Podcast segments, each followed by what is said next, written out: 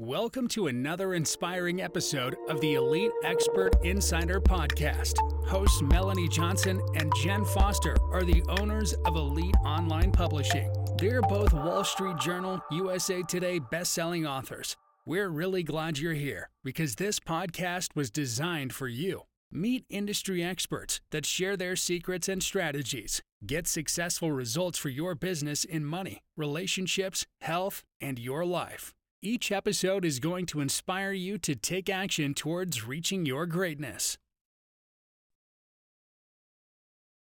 Hey everyone, thanks for joining us today. We are going outside of our box a little bit by staying in the box. We're going to talk bras, we're going to talk lingerie, we're going to talk business branding, we're going to talk starting up a company. We have got a full course of things. And believe it or not, just one person has the expertise, not only in bras, but starting a business on top of it giving you great expertise on how to get your products up and going and starting that business. So I'm really fascinated. I'm really intrigued. So whether you're a man or a woman, I think you're going to want to listen to this podcast.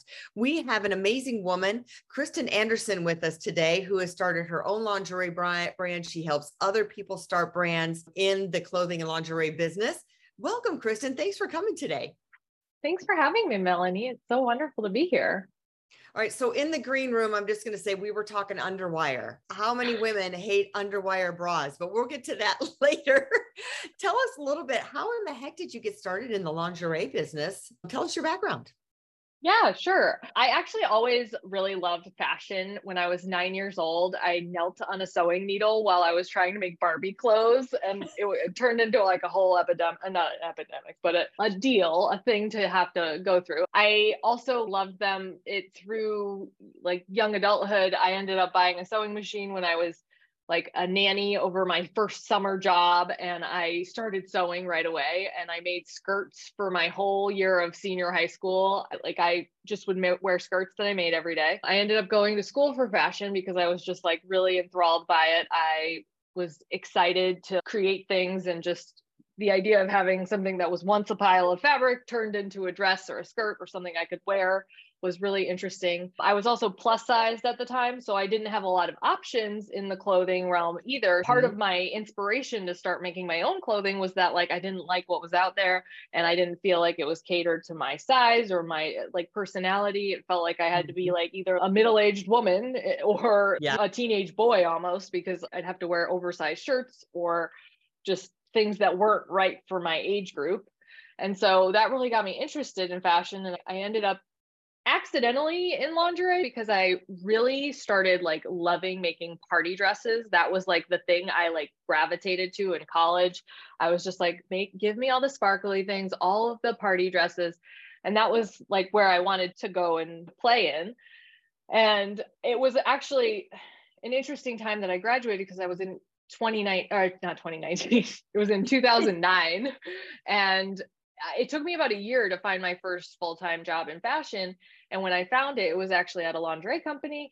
And i just fell in love with it. I was like these are this is so much better than party clothes. This is stuff you can wear every single day and it makes mm-hmm. women feel amazing to have a beautiful bra on that fits them well that feels it's fully supportive but also not like your grandma's bra. Like women it's so wonderful. And I just, I realized how wonderful it was very early on. And I never wanted to leave. So it was just a really great sense that I like just landed in this wonderful place right out of college, right in my first job. It is. I love that you had that journey, and sometimes you end up in the right place you're supposed to be. Like, how did I end up in the lingerie thing? But then it that yeah. turned out to be your great passion.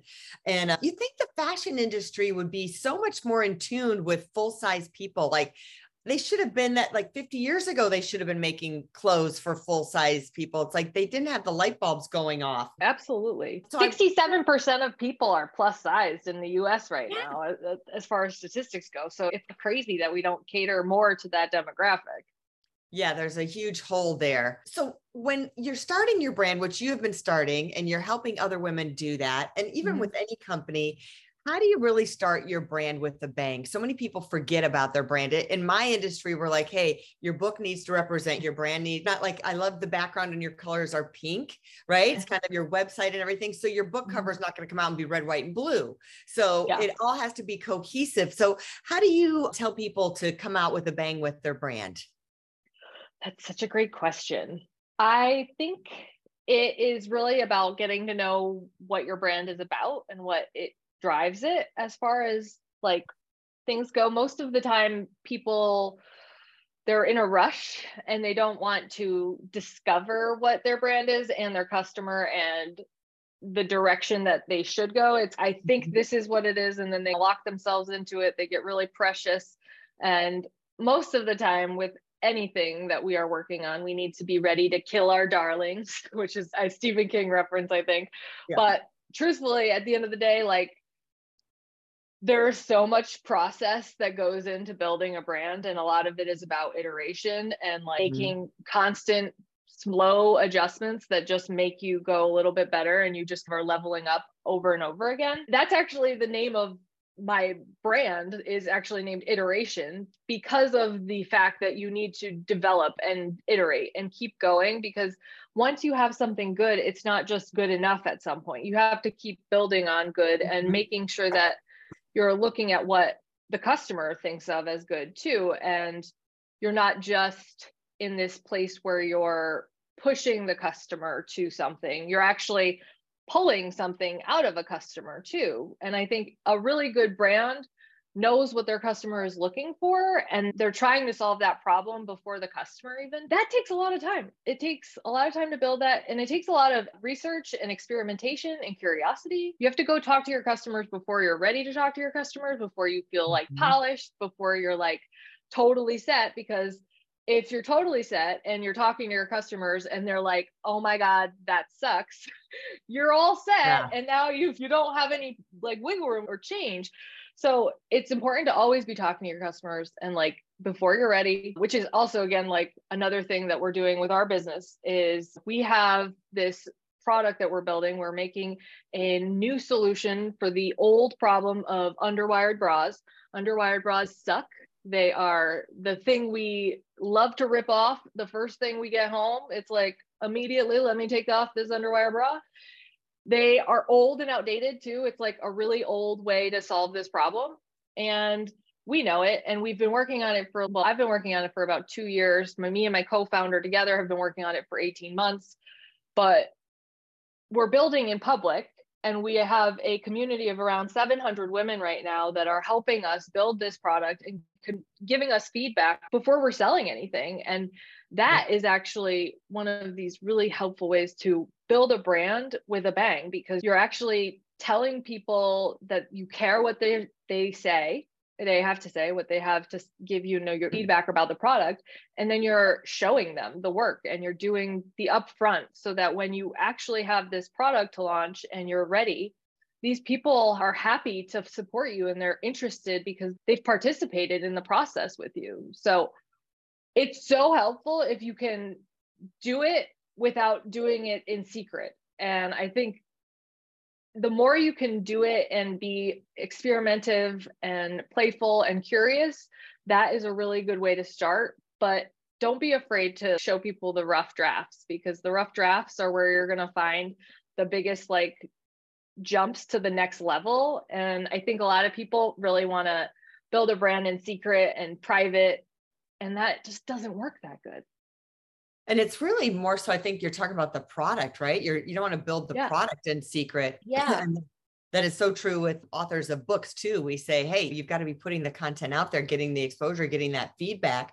And what i hear you saying too which i think is important is if you're getting them involved like these 700 people that you have they're giving you feedback but you're just not you're not ignoring it you're making changes to it whether you're a software company whether you're any kind of product related or even service company you're listening to what they say and when you make those changes and take action don't just mm-hmm. say hey nice to hear from you but nothing ever changes then you start to have customers for life and you have these mm-hmm. raving fans that want to share your products and services with other people So dif- differentiate with me because you've got the product, you've got the brand is different, the message and the culture that you're saying out there. And then there's the marketing. So there's give us some things on how you categorize and separate your business into those three buckets, really with the what buckets are you saying? Marketing so like you've got your brand bucket you've got your product bucket and you've got your marketing task that you do. And you talk about four categorized lists to separate your business. And just some tips on that on making sure that you're working on all of those.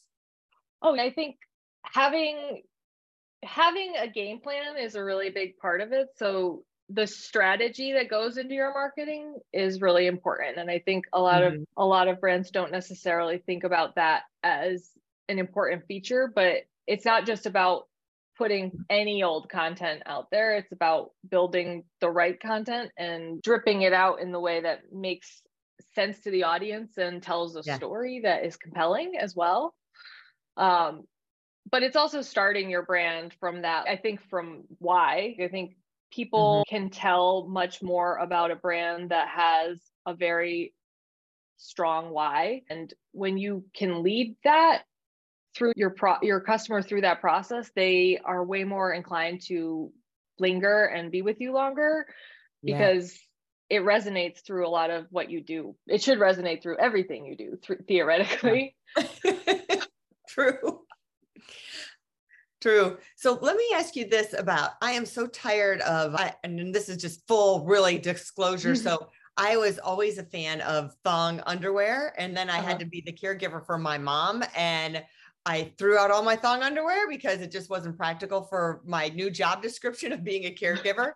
and now I'm back to the underwear that goes up your rear end and the bras having the same issue with the bra. So it's either you get the saggy boobs because you don't have a bra that, you know, it's more comfortable, but they're sagging. So what is the new technology? Like what kind of, uh, I would think there's got to be all kinds of different products and technology that we can use in these things now? I think it's actually there's there is newness, but I feel like a lot of the newness in bras specifically has been very incremental. It's not like all brand new. It's just foam pads that are, don't have wires anymore and while those can work for some people, sometimes things like that don't work for everyone. I know me mm-hmm. personally, like I really don't love bras that have foam pads because they almost never fit my shape the way I'd like them to. They mm-hmm. almost always stand away.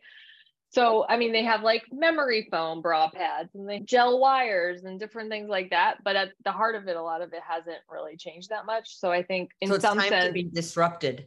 The, yes. the bra industry is time to be disrupted. Yes, it's time to fire the wire. I think it's like over. I'm done with it. But I also don't want to give up the shape that it gives me because I really feel like a squished pancake when I wear a bralette. And I don't want to feel like that. I want to feel lifted. I want to feel supported. I want to feel confident because I think every woman feels way, way more confident when they're wearing an underwire bra almost in any situation like which which sucks because like we shouldn't have to but I think with the male gaze and the fact that we all work with male coworkers and I think about teachers who like don't want to have weird questions from little boys or girls or whoever, whatever. Like it's just there's so much that it's not just right for it. It's like there's so many reasons why this is just it needs to come because we need to be able to move more freely and have the support we need without feeling like we're getting stabbed in the chest you know? It, it's not a yeah. fun pleasant thing.